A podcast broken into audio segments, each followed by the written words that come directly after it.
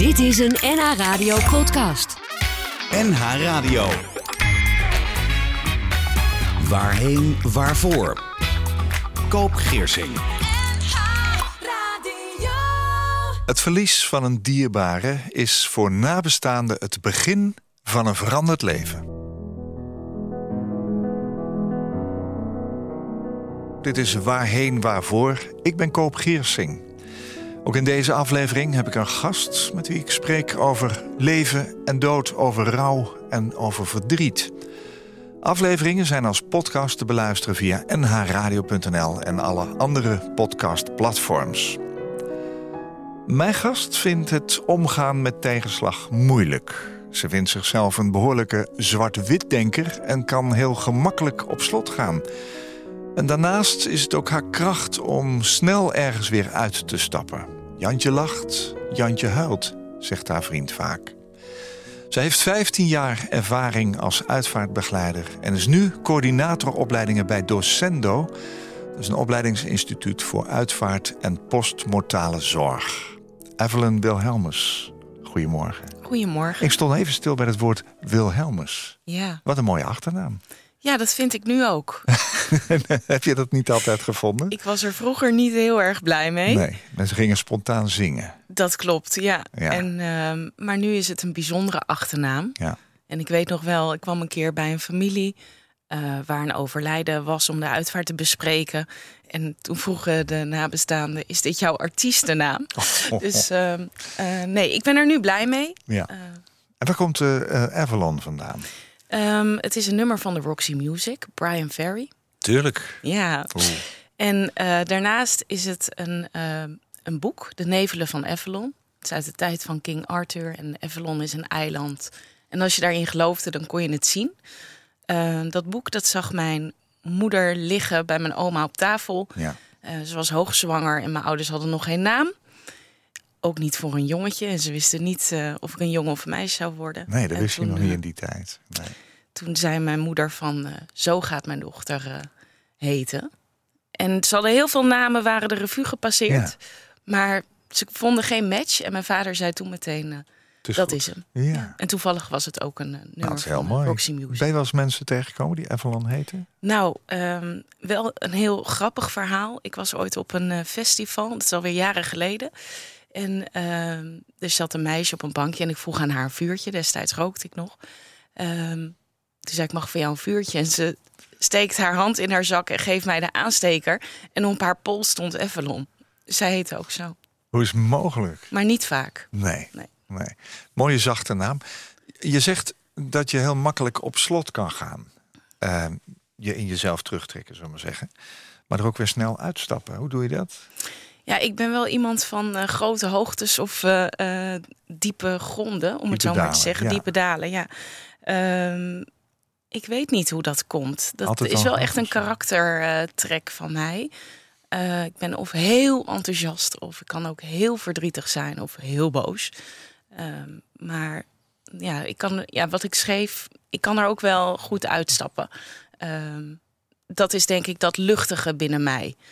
Ben waterman van eh, eh, Sterrenbeeld. Ja, kloppen die eigenschappen? Wat zijn ze? Ja, dat, is wel, dat zijn wel vluchtige mensen, laat ik het zo zeggen. Oh ja. Het is een luchtteken, dus dat zegt eigenlijk al eh, voldoende.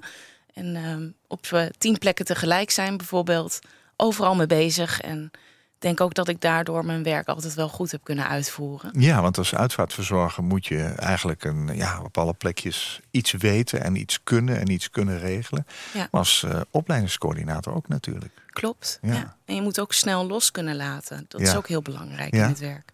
Heb je dat moeten leren? Eh, nee, ik heb het niet moeten leren. Ik vind het altijd grappig als mensen zeggen van... eh, ja, want eh, je moet je werk niet mee naar huis nemen. Nee. Ik denk, nou, volgens mij nemen heel veel mensen hun werk mee naar huis. Iedereen toch? En ik heb er ook echt wel nachten van wakker gelegen. Ja? Maar het is ook wel de kunst om los te laten. Want het is niet mijn verdriet. En dat moet je wel goed realiseren. En daardoor juist ook genieten van de mooie dingen die gebeuren. En dat kun je ook in de praktijk. Absoluut, ja. Ja. Ja. Je bent dus opleidingscoördinator bij Docendo. Ja. Wat houdt het precies in?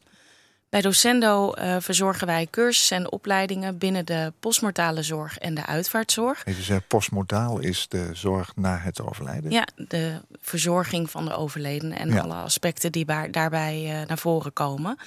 Um, wij verzorgen dat, dus wij hebben contact met studenten en cursisten, mensen die geïnteresseerd zijn om in de branche te komen werken. Ja. Uh, maar ook mensen die het bijvoorbeeld al jaren doen en zich willen bijscholen. Mm uh, wij coördineren bij Docendo die opleidingen en cursussen. Zorgen voor het contact met student, maar ook met de docent. Ja. We denken aan nieuwe cursussen. Hoe gaan we die vormgeven? De uitvaartbranche is ook wel ontwikkelt zich snel.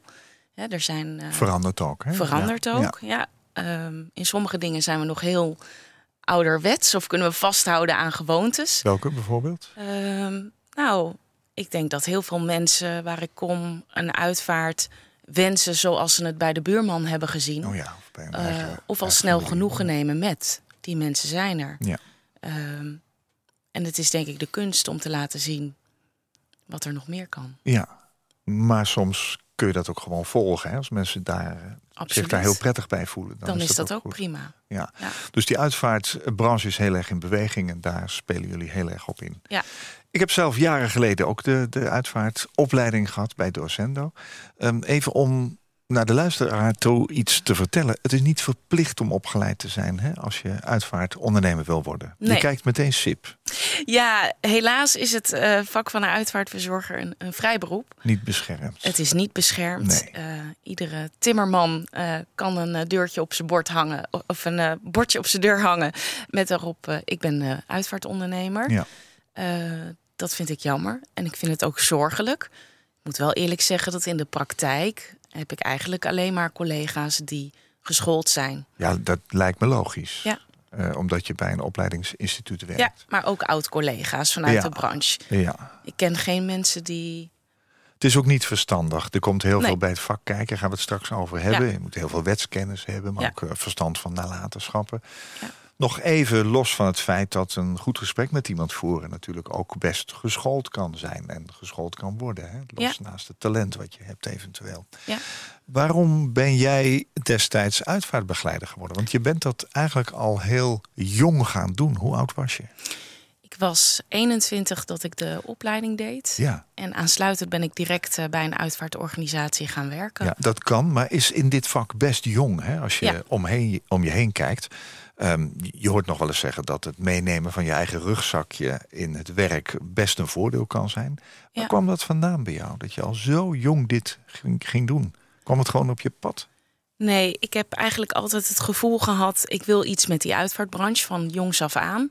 Wel diverse overlijdens meegemaakt binnen onze familie- en vriendenkring. op jonge leeftijd. Ja, en daar was ik veel mee bezig. Ehm, en dat fascineerde mij op een of andere manier. Wat fascineerde jou?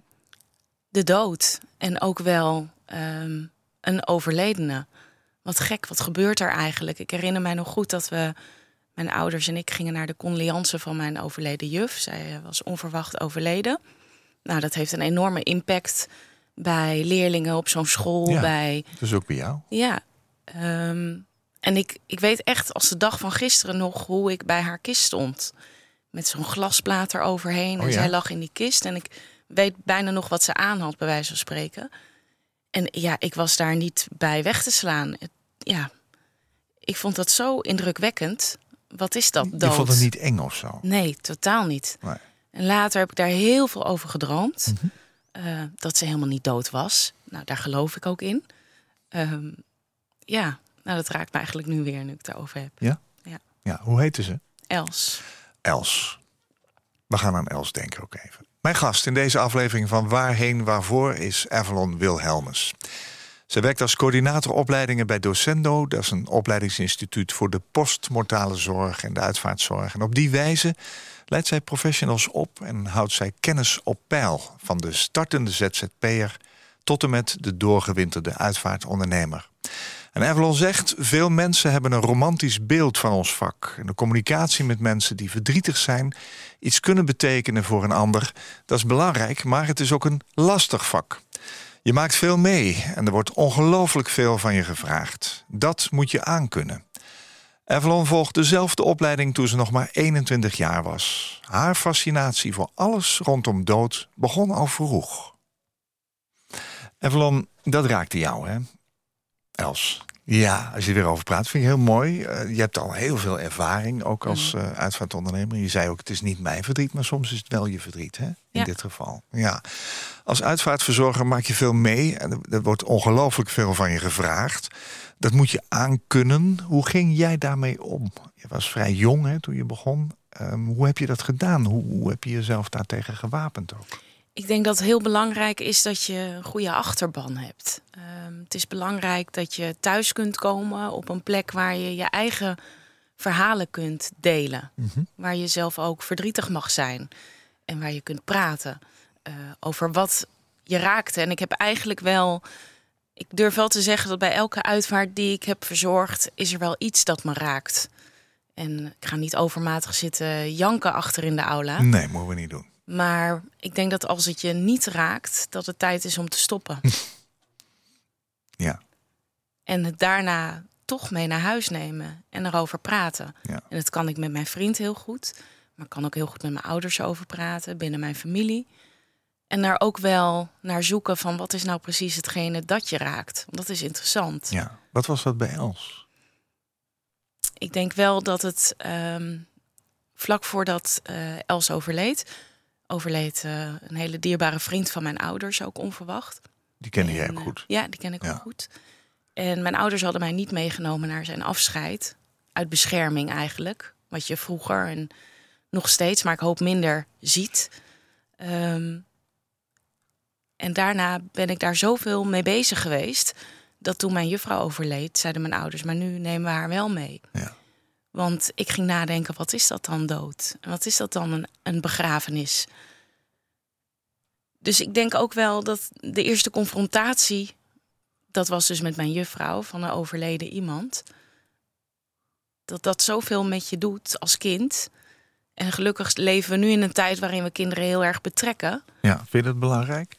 Dat vind ik het allerbelangrijkste Ja? wat er Waarom? is. De kinderen hebben altijd al mijn speciale aandacht gehad. Misschien wel door mijn eigen ervaring, bedenk ik me nu. Ja. Ik vind het belangrijk om te laten zien aan een kind dat de dood ook bij het leven hoort. En dat je mag geloven wat je gelooft. Ehm, maar ook belangrijk om te laten zien hoe dat gaat. Je zal het vast zelf ook hebben meegemaakt. Kinderen stellen de meest goede vragen. En heel direct ook. En willen weten wat er is. Ja. En wat gebeurt er dan met opa als hij Ja. de aula uit wordt gereden? Waar gaat opa dan naartoe? Ja. Als het een crematie is, vertel het maar. En, eh, want anders gaat het een eigen leven leiden. En dat deed het bij mij wel. Maar ja, voor mij is het eigenlijk altijd al mijn, mijn passie geweest. Ja. Betrokken willen zijn bij. Mooi dat je vertelt dat je eigenlijk niet mee mocht van je ouders. Wat natuurlijk heel goed bedoeld was. Hè? Ja. Want het is bescherming en eh, het kind hoort niet bij eh, een uitvaart en zo. Maar tegelijkertijd, als kind voel je natuurlijk elk signaal wat ergens in een ruimte is. En dat is ook verdriet. En als je dan niet weet wat dat in de praktijk betekent en, en waarom dat is, dan Ja. ontneem je ook eigenlijk een kind ehm, informatie die die nodig heeft om verder te kunnen. Denk ik. Zeker.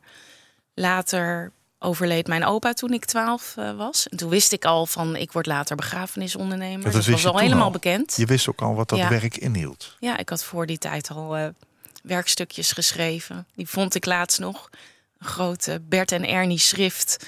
En aan de binnenkant allemaal gekopieerde plaatjes van overleden mensen. En daarin een kinderhandschrift geschreven wat de dood is en wat een uitvaart is. En Ja. daar ook eh, een boekbespreking over gedaan. En bij het overlijden, of na het overlijden van mijn opa, toen was ik dus twaalf, betrok de ondernemer mij heel erg bij het afscheid. En Ja. Dat is heel belangrijk geweest voor mij. Hoe heb jij dat gedaan tijdens je werk als uitvaartverzorger? Kinderen erbij betrekken. Dat kan eh, al op een hele luchtige manier om, het Mhm. daar weer, om dat weer even boven te halen. Ehm, vaak bij een bespreking, een regelgesprek, wat je hebt de eerste dag, Beetje, ja. ehm, zijn de kinderen er meestal niet. En dan vroeg ik aan de ouders van, wat is de band? Wat is de relatie tussen het kind en de opa en oma? Niet alle, als we het nu over een opa of oma hebben, niet alle kleinkinderen zijn zo betrokken. Nee. Maak een afspraak. Kom eens terug om met Ja. de kinderen het over te hebben.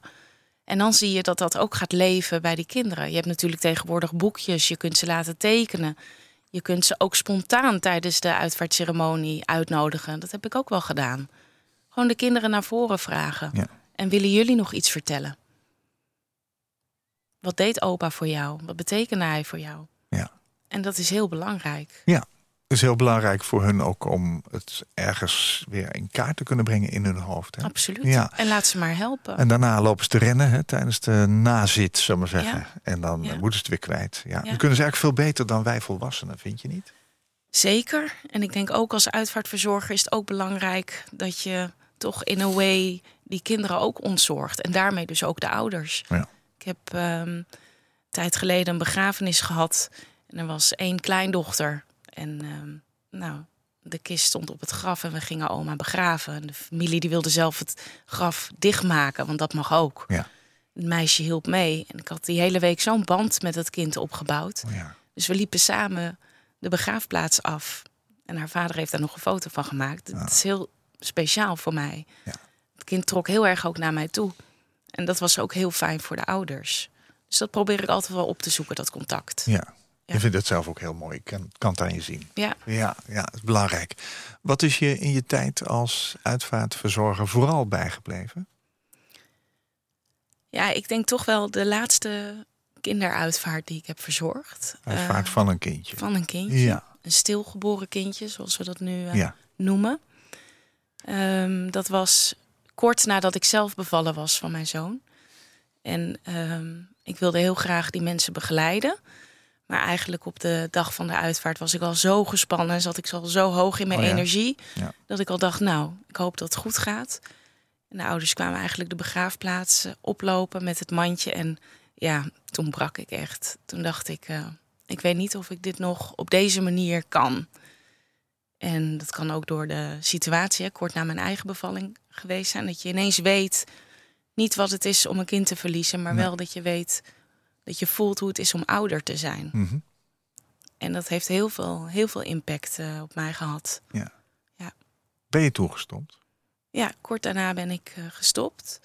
Ehm, Hoe oud was je toen? dat is dus ja, nu een jaar geleden, ruim een jaar geleden. Eh, ik kon mij niet meer helemaal geven aan de nabestaanden, aan mijn familie, zoals ik dat noem. En ik kon me ook niet helemaal meer thuis geven. Het was te veel. Het is een drukke baan als uitvaartverzorger. Je bent echt altijd aan het werk. Je bent altijd met die telefoon bezig. Ook al heb je een vrij weekend. Als je familie je mailt van kan er nog een foto in de PowerPoint, dan doe je dat. En dan zeg je niet van eh kom morgen wel. Maar het is ook belangrijk om thuis te zijn bij mijn gezin. En die realisatie kwam toen heel erg naar voren. Ja. En dan moet je een keuze maken. En dat heb je gedaan. Ja, absoluut. Ehm, ik heb jou ook gevraagd om drie liedjes mee te nemen... eh, die eventueel op jouw eigen uitvaart te horen mogen zijn. Ik denk, nou, dat moet voor jou natuurlijk een piece of cake zijn... want eh, je zit helemaal in het vak. Je bent eh, 15 jaar uitvaartverzorger geweest. Maar was toch lastiger, begrijp ik, dan ik misschien dacht van tevoren. Was dat zo? Ja. Enorm. Ja? Hoe- kwam dat? Had je al een lijst? Of had je er nooit Ik had al een nagedacht? lijst. Ik heb een mapje Ava dood op mijn laptop. Tuurlijk. Eh, maar die dateerde alweer van een aantal jaar geleden. Daar zit muziek in, onder andere. Onder andere. Ja. En ehm, ik denk, ja, is dat nog wel de muziek die ik nu zou willen horen? En? Ehm Eén daarvan wel. Ja? En de andere twee eh, heb ik voor vandaag eh, bedacht. Oké, waar gaan we het eerst naar luisteren? Anne Brun. Oké, waarom? Het is een heel mooi nummer, All My Tears. En zij zingt eigenlijk, zij omschrijft wat voor mij de dood betekent.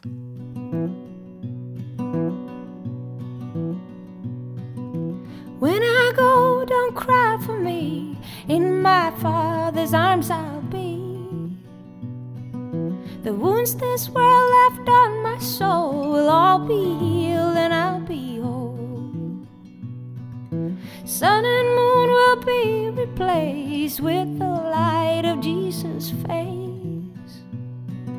And I will not be ashamed, for my Savior knows my name. It don't matter where you bury me. I'll be home and I'll be free. It don't matter anywhere I lay. All my tears be washed away.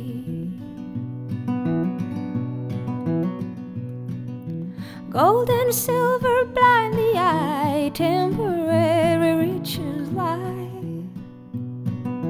Come and eat from heaven's store, come and drink and thirst no more. So weep not for me, my friend, when my time below does end. For my life belongs to him It don't matter where you bury me. I'll be home and I'll be free. It don't matter anywhere I lay. All my tears be washed away. All my tears be washed away. All My Tears is een cover van de Amerikaanse zangeres Julie Miller, hier gezongen door de Noorse singer-songwriter Anne Brun. En ze woont al ruim 20 jaar in Stockholm in Zweden. Dat dan weer wel. Wat een mooi liedje. Ja. Ja. Hoe vind je zoiets?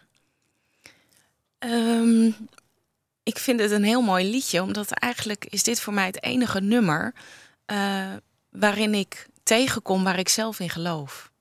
En wat is dat? Dat doodgaan niet betekent dat je er niet meer bent. Ja, ik geloof dat ehm, als je doodgaat, dat je ziel voortleeft. Mhm. En waar dat is, dat weet niemand. Nee. En dat geloof geeft mij ook wel houvast in het leven. Je neemt afscheid eigenlijk van iemands jasje. Ja. Maar degene, datgene wat je had, datgene wat iemand echt was, ik geloof dat dat doorgaat. Ja.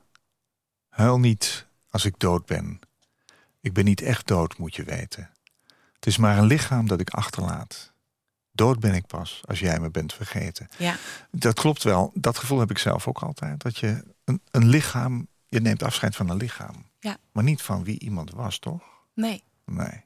dat gaat door en dat blijf je herinneren. En dat Ja. kom je weer tegen in de rest van je leven. Ja. En dat geeft heel veel mensen ook kracht. In mijn werk heb ik zo vaak bijzondere verhalen gehoord van nabestaanden. Waar zij troost uit haalden van. Hè, dat kan bijvoorbeeld zijn van ik kwam laatst thuis en toen rook ik mijn overleden man Oh weer helemaal. ja. De klok die stilstaat. Het vogeltje dat tijdens de plechtigheid net buiten op dat takje gaat zitten. De vlinder die langskomt. De regenboog. Oh ja, ja. Het mooie weer, wat het net is als je echt bij het graf staat. De zon breekt even door. Ja. Heb ik ook zo vaak meegemaakt. Ja. zijn geen toevalligheden. Nee, Nee, denk ik ook dat denk niet. ik ook. Nee. Evelon Wilhelmus is mijn gast in deze aflevering van Waarheen Waarvoor. Zij was 15 jaar lang uitvaartverzorger en tegenwoordig is zij coördinator opleidingen bij Docendo. Dat is een uitvaartopleidingsinstituut. Je hebt al even gezegd dat je een moment hebt gehad eh, waarop je net zelf een, een zoon hebt gekregen. En toen heb je een kindje begraven en toen dacht je het is genoeg. Wat heeft de periode, want je hebt 15 jaar in die uitvaartzorg gezeten. Wat heeft die periode met je gedaan als mens? Het heeft mij echt verrijkt. Wel, Absoluut. Ik kijk er met. eh, zou het weer willen doen? Eh, nu op dit moment niet. Nee? Nee, nu niet. Het geeft ook heel veel rust om nu niet meer altijd bezig te zijn met je telefoon. Nee. Niet meer die enorme spanning te voelen eh, bij bijvoorbeeld een grote uitvaart. Ik had eigenlijk voor elke uitvaart wel eh, zenuwen. Ja. Dat is denk ik ook goed, want het houdt je scherp. Ja. Maar het vraagt ontzettend veel van je. En nu is er wat meer rust in mijn leven Mhm. gekomen. Ook als opleidingscoördinator heb ik nog steeds een hele drukke en vooral ook leuke baan. Ja. Maar ik kan wel om vijf uur 's middags mijn laptop dicht doen en Ja. denken, nou dat mailtje dat komt morgen wel. Het heeft jou verrijkt, hè, zegt je. Wat vind jij, en dat is misschien ook wel een beetje de schakel naar jouw baan bij Docendo. Wat vind jij belangrijk in het vak van uitvaartverzorger? En waarin kun je ook vooral jezelf zijn? Ik vind het lastig om helemaal mezelf te zijn. Dat kan ik niet altijd. Nee? En het hoeft ook niet per se in het vak van een uitvaartverzorger. Nee. Moet eigenlijk een chameleon zijn. Mensen moeten ook wel weer weten wat ze aan je hebben. Dus je mag wel tonen wie je bent. Mhm. Ehm, dat is belangrijk. dat wil ik ook meegeven aan mensen. Ja, Wat moet je hebben als je denkt, ik wil dit graag eh, worden? je moet heel goed kunnen luisteren. We spraken er net al even over. Dat talent moet je hebben. Absoluut. Ja. En ga maar eens kijken wat luisteren inhoudt. Ja. Hoe luister je dan? Ja. En doe je iets met datgene wat je hoort? Als ik bij mensen aan tafel zat, ging ik niet een lijstje af van A tot Z. Ik ging eerst eens luisteren. Wat speelt er? En in sommige gevallen bleef het bij luisteren en spraken we af om de volgende dag dan terug te komen om het dan Oh ja. te hebben over de praktische zaken. Het is belangrijk dat mensen zich gehoord voelen en zeker in deze tijd gaat dat behoorlijk naar de achtergrond. Ja, waarom zeg je in deze tijd? Mensen verstaan elkaar niet meer goed. Doen aannames en dat kan ik zelf ook heel goed doen. Dus ik steek hand in eigen boezem. Ja. Ehm, maar luister eens en heb respect voor de ander. Dat is echt essentieel. Ja. En ik geloof ook, je kan het vak van een uitvaartverzorger leren, maar in wezen moet het in je zitten. Zijn er mensen ongeschikt voor? Zie jij mensen op de opleiding komen waarvan je denkt van nou, ik weet het niet? Tuurlijk. Ja, die zie ik absoluut. Ik geloof er ook in dat je mensen een kans moet geven. Ja. Eh, maar als bijvoorbeeld een eh, aankomend student bij mij komt van... ik heb drie jonge kinderen thuis en eh, mijn man heeft een eigen bedrijf... en is dag en nacht aan het werk... dan zou ik zeggen van een mooie kans om nu de opleiding te doen... maar geef jezelf nog wat ruimte om het vak in te gaan. En er zijn ongetwijfeld bedrijven waarin je een rooster werkt en dat is het. Ja. Dat zijn niet de bedrijven waar ik voor heb gewerkt. Ik vond het juist fijn om bij die kleine organisaties eh, betrokken te zijn, waarin Ja. uitvaart echt van A tot Z ehm, verzorgt. En ook daarna nog betrokken blijft. Ja, precies. Ja. Nou, dan, dan zijn we aangekomen eigenlijk bij dat, dat vak van opleidingscoördinator. Hè? Eh, als we dan even naar Docendo kijken, er zijn veel meer opleidingen natuurlijk. Ja. Vie heb je, je hebt Meander, nou zo zijn er nog wel een handvol. Het zijn er ook meer geworden. Hè? Docendo Ja. was eens één van de twee, geloof ik. Hè? Klopt. Jaren geleden toen ik het eh, vak ging doen. Welke vakken moet je nou eigenlijk bedenken bij zo'n uitvaartopleiding? Het zijn vooral, een- het is een mengelmoes eigenlijk tussen Mhm. praktische vakken, waarin je uiteindelijk ook op, waar je uiteindelijk ook op geëxamineerd wordt. Ja. Maar ook een stukje professioneel omgaan met nabestaanden, communicatie, we hadden het er net al even over. Omgaan met agressie, omgaan met verdriet. Mhm. Ehm, hoe neem je werk eh, serieus? Hoe ga je er thuis na je werk mee om? Eh, en daarnaast ook rouwteksten, de wet op de lijkbezorging, financiën en recht. Ja. Ehm, moeilijke vakken, moeilijke lesdagen als ik de studenten zo hoor. Het is pittig, je moet een hoop weten. Maar je wilt ook dat als jij bij een familie komt, eh, dat je weet wat je moet doen. Ja. En dat als je een rouwbrief schrijft, dat je weet hoe je grammaticaal goed uit de verf komt.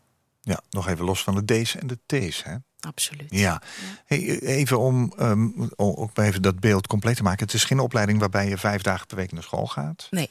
Je doet eh, doorgaans een jaar over zo'n eh, opleiding... waarbij je één keer in de zes weken eh, eigenlijk een soort schooldag hebt. Ja. Maar waarbij je ook elkaar ontmoet. Ik vond dat zelf heel mooi, omdat je daarin spreekt met mensen... die veel meer ervaring al hebben als jij. Ja. Hoe wordt dat bij jullie op het ogenblik gedaan?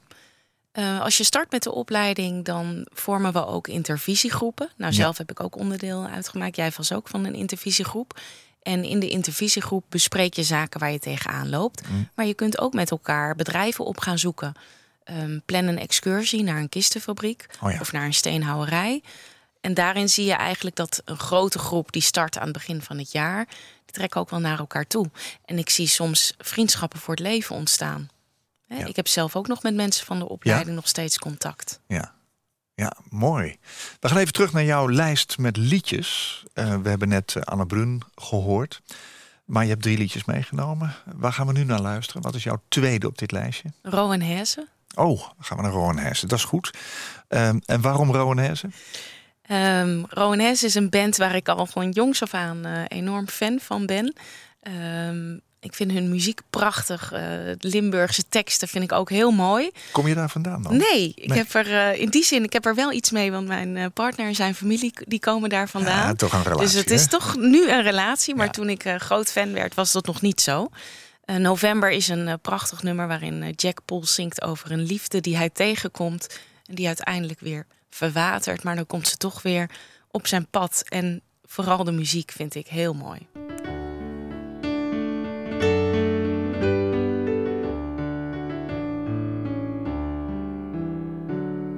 Was twaalf uur in Venlo. Het wordt tijd om naar huis. Toen iemand zei, hey, loop eens mee. Het is hier nog niet gedaan. Ik keek aan en ik schrok ervan. Ik had je jaren niet gezien. Je waren nog mooi, net zo mooi als toen gaan ze het begin. Op het kerkplein. In november zag ik over de eerste keer de wind die weide door en ik zag het gevoel. Ik zag mijn hand al in uw hand. En ik dacht, loop door, loop door. Onderweg heb ik mezelf verteld, het was niet meer als een blaad dat veld.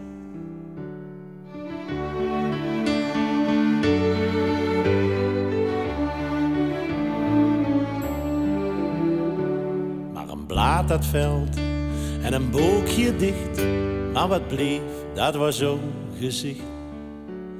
Overdag de zon en s'nachts de mond, ik kon zijn woorden niet verstaan. Ik doe dan aan mezelf. Ik doe dagen aan een stuk.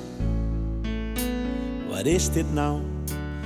Mooie vrouw, dit is weggegooid geluk. En s'nachts in bed sloop ik net, kom de geen op bezoek bij mij. Mijn bed is koud, mijn kamer kaal. En ik droom haar daar staan. En gij ziet zacht als dons, als vacht. En ik draai mee hem in.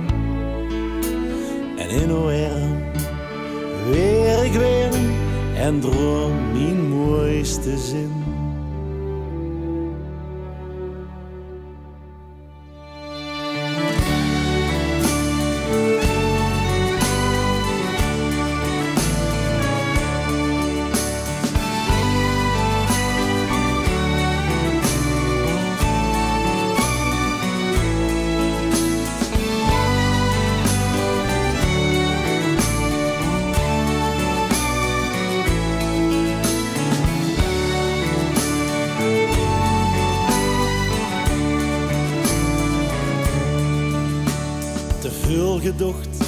Te lang gewacht.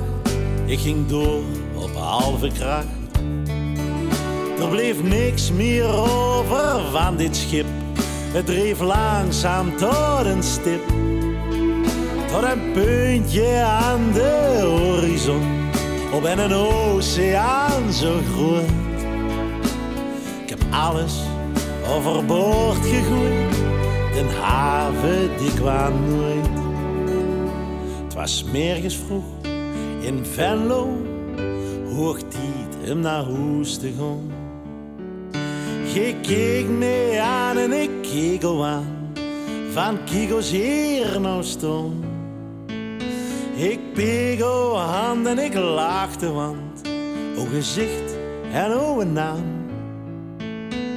En hoe gekeken, o hoor wegstreekt toen de zon aan den hemel kwam.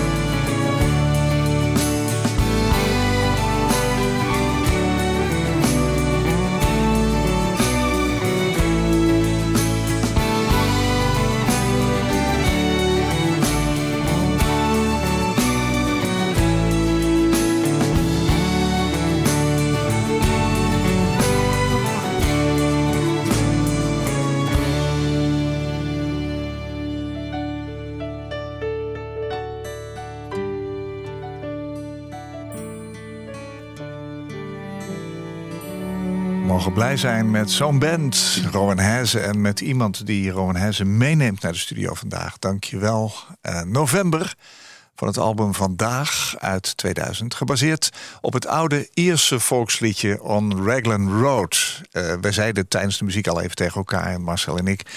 Uh, dat, het, het, lijkt wel folkmuziek, een beetje Iers. Nou, dat is het dus ook geweest. Gisteravond speelden ze in Amstelveen... in het kader van de Onderaan Beginnen Tour. Weet je waar de naam vandaan komt? Rowanesse, ja, het was een dorps... Uh, gek geloof ja, ik. Ja, legendarische persoon, zou maar zeggen. Kijk. Hè? Ja, ja, ja. En dan betekent Rowan betekent ruig. Ja. Heb ik begrepen. Ja, dat moest ik ook opzoeken hoor. Dat kan ik er niet uithalen.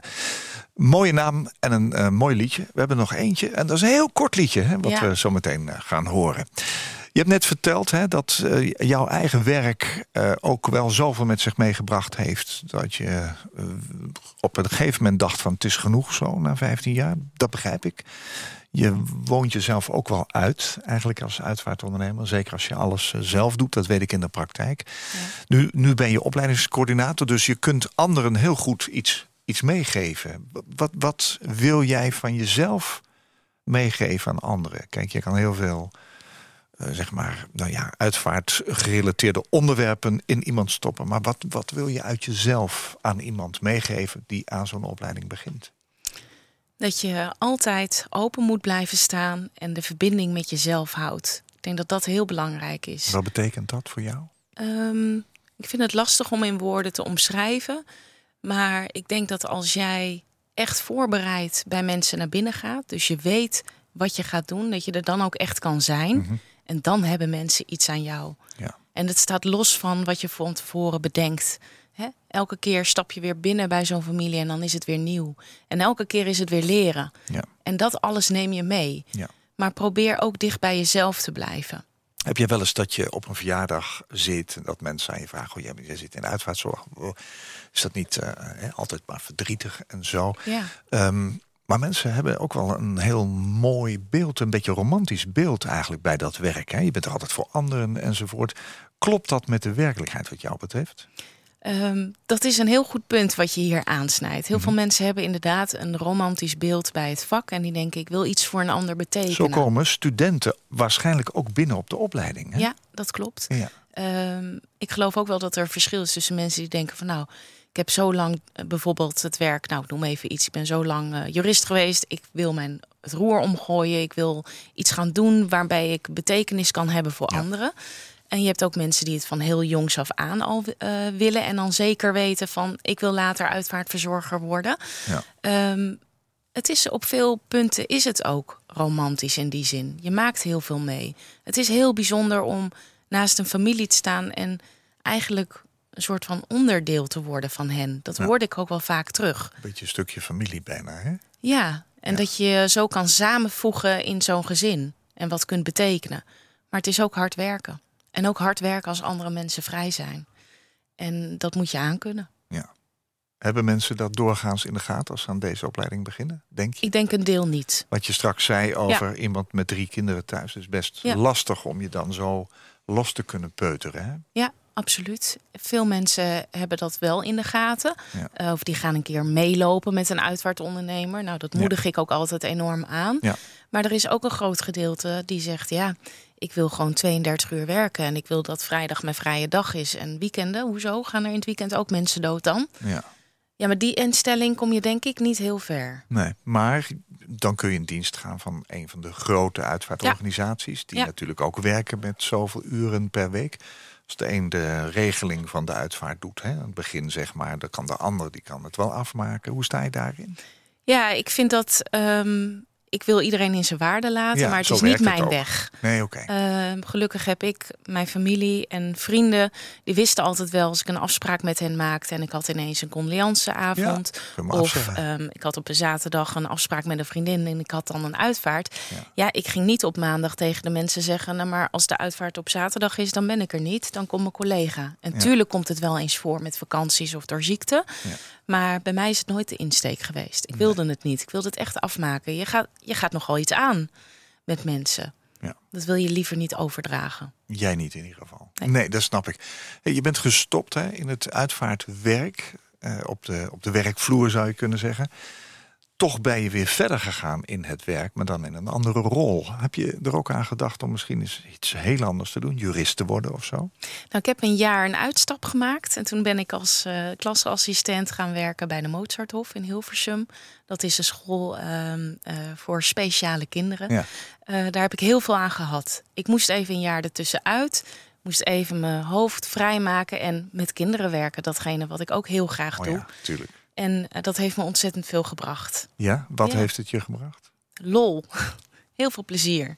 Ontzettend veel plezier. En ehm, ja, die connectie die je met kinderen hebt, die soms niet eens kunnen praten, dat vond ik heel, eh, heel fijn om Ja. me daarin te omgeven. Wat doet dat diep van binnen? Ja, ik denk dat ik dan ook wel voel in het contact met kinderen dat dat ook echt een talent van mij is. En als ik dat voel, dan gaat het van binnen gewoon bij mij stromen. Ja. Dan denk ik, ja, dit is goed wat ik doe. Ja. Waarom ben je dat niet blijven doen dan? Of was het maar Ehm, voor een jaar? Ik heb er wel bewust voor gekozen om uiteindelijk weer terug te gaan het vak in. Mist hij het? Ehm, ik denk dat ik heel graag met kinderen werk. Maar ik werk ehm, liever in een wat onregelmatige eh, omgeving. Als je op een school werkt, dan weet je toch wel, je werktijden zijn van zo laat tot zo laat. Eh, dat is ook heel fijn. Ik wou zeggen, daar had je ook even behoefte aan, denk Zeker. ik. Hè? Maar het ritme van toch gewoon elke dag een schooldag, Ja. ehm, dat zou bij mij op den duur gaan vervelen. Ik heb ook wel weekenden weggedaan eh met die eh, school, met de kinderen. Dus bijvoorbeeld een weekend naar Duinrel. Ja, dat is fantastisch. Ja. En dat wil ik eigenlijk ook in de toekomst wel weer gaan doen. Ja. Dus op een wat meer vrijere basis. Dat de kinderen ook gewoon vrij zijn en niet in een, in een klas zitten, zeg maar. Oké. En nu ben je opleidingscoördinator. Hoe lang blijf je dat doen? Een eh, hele tijd, denk ik. Ik ben heel eh, gelukkig in mijn eh, werk. Ja.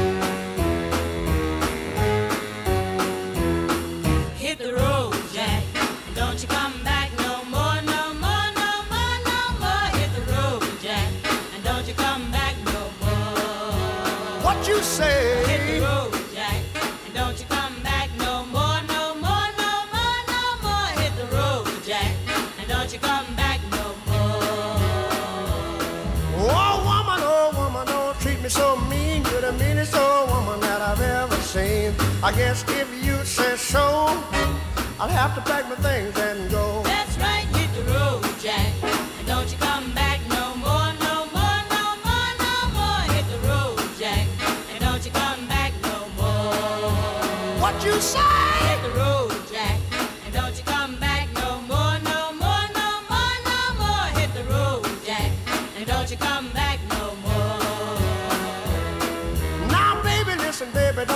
Me this away. Cause I'll be back on my feet someday. Don't care if you do, cause it's understood. You ain't got no money, you just ain't no good. Well, I guess if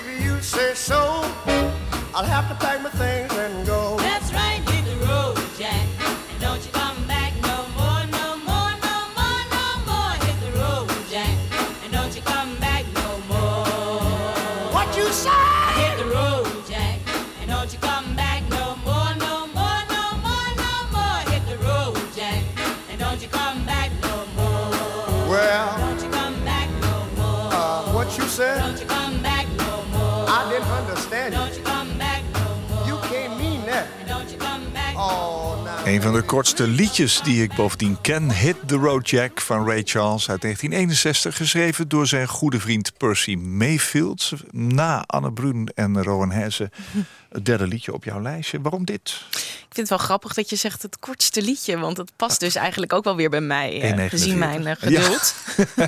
Oké, korte spanningsboog. Ja. ja. Dit nummer eh, zing ik heel vaak, al heel lang. En vaak ook met mijn moeder samen. Ja. Ehm, we houden van zingen in Ja. de kroeg of op een karaokefeestje. We vinden het ontzettend leuk. Ehm, ik vind het gewoon een heerlijk nummer. Ja. Ik kan gewoon heerlijk die uithaal van eh, die dames en van Ray Charles. Dat vind ik gewoon geweldig. Geweldig. Dus ik denk dat als je aan andere mensen zou vragen van welk nummer vind je bij Avalon passen, dan zouden ze dit nummer zeggen. Oké, je durft dit ook te draaien in een aula. Ja, Ja. zeker. Wat is Ja. het mooiste nummer wat je in een aula wel eens gehoord hebt bij een andere uitvaart? Eh, nou, dat is wel grappig. Dat is de Piano Man. Oh, Eh, een nummer wat mijn vriend heel erg mooi vindt. van Billy Joel? Ja. Ja. En ehm, mijn vriend zegt altijd van nou, als ik dood ben, dan wil ik dat de mensen gaan staan en dat ze arm in arm eh, Oh, mee mooi. gaan eh, Ja, deinen. ja. En toen ik dat dus hoorde, dan zie je wat het doet Dus eigenlijk. dat snap ja. ik wel, ja. Ja. Oh, dat is- dat dus dat vond mooi, ik ook wel heel mooi. En mensen blijven vaak zitten hè, bij muziek, bij Ja, de ja, uitvaart. ja. Ik leg ze vast als ik denk, oh wacht even, dat, dat was ik zelf nooit opgekomen. Die leg ik vast. Die, die bewaar ik. Ja, Dat is ook heel mooi. Muziek is natuurlijk ook de verbinding. Hè? Absoluut. Muziek is universeel. Hey, met welk opleidingsonderdeel heb je zelf de meeste affectie? Ja, ik denk dat ik het wel weet, maar jullie geven zoveel vakken. Wat, wat, waar gaat je liefde naar uit? Toch dat uitvaartverzorgen? Ja, en toch het onderdeel kinderuitvaart. Dat, Ja? dat spreekt mij het meeste aan. Dat hebben we sinds kort in de opleiding. Ehm, en dat, is een speciale opleiding? ja, nee, nee het is ook, we bieden het ook als speciale opleiding Als- als aan. maar het is ja. ook een onderdeel binnen de opleiding uitvaartzorg. Oh, oké. Eh, dus ze krijgen een ik lesdag. niet gehad, inderdaad. Nee, dat Nee. is sinds kort. En ik vind het heel belangrijk dat Ja. we daar aandacht eh, aan besteden. En wat wel heel mooi is, dat eh, de docenten die die les geeft... heeft een eigen uitvaartonderneming voor kinderen en jongeren. Ja. Ehm, dus je krijgt als student echt iets mee uit de praktijk. En dat is wel, dat vind ik ook het mooie van Docendo. Dat we docenten hebben die daadwerkelijk in de branche werken. Ja, die en hebben niet de avond vertellen ervoor over. nog eventjes een melding gehad... en staan de Precies. volgende dag eh, hun lessen Ja, te geven. Ja, precies. Oh, kinderuitvaarten. Dat zullen mensen toch een lastig onderdeel vinden. Absoluut. Komt heel dichtbij, hè? Ja. Ja. Kwam het bij jou ook, hè? Toen we het even hadden over Els. Ja, Ja. zeker. Mooi, dankjewel. Wat fijn dat je hier was. Evelon Wilhelmus, mijn gast in deze aflevering van Waarheen Waarvoor. Werkt als coördinator opleidingen bij Docendo, een opleidingsinstituut voor de postmortale zorg, uitvaartzorg. En op die wijze leidt zij professionals op en houdt zij kennis op peil van de startende ZZP'er tot en met die doorgewinterde uitvaartondernemer. En Evelon zegt, veel mensen hebben een romantisch beeld van ons vak. Het is de communicatie met mensen die verdrietig zijn, iets kunnen betekenen voor een ander wat mooi is, maar het is ook heel lastig. Je maakt veel mee en er wordt ongelooflijk veel van je gevraagd en dat moet je aankunnen. Avalon volgde dezelfde opleiding toen ze nog maar 21 jaar was. En haar fascinatie voor alles rondom dood begon al vroeg. En zo deed zij 15 jaar ervaring op als uitvaartbegeleider. Dank voor je komst naar de studio. Dat je je verhaal met ons wilde delen en iets over jezelf wilde vertellen. Alle goeds. Jij bedankt. Koop Geersing.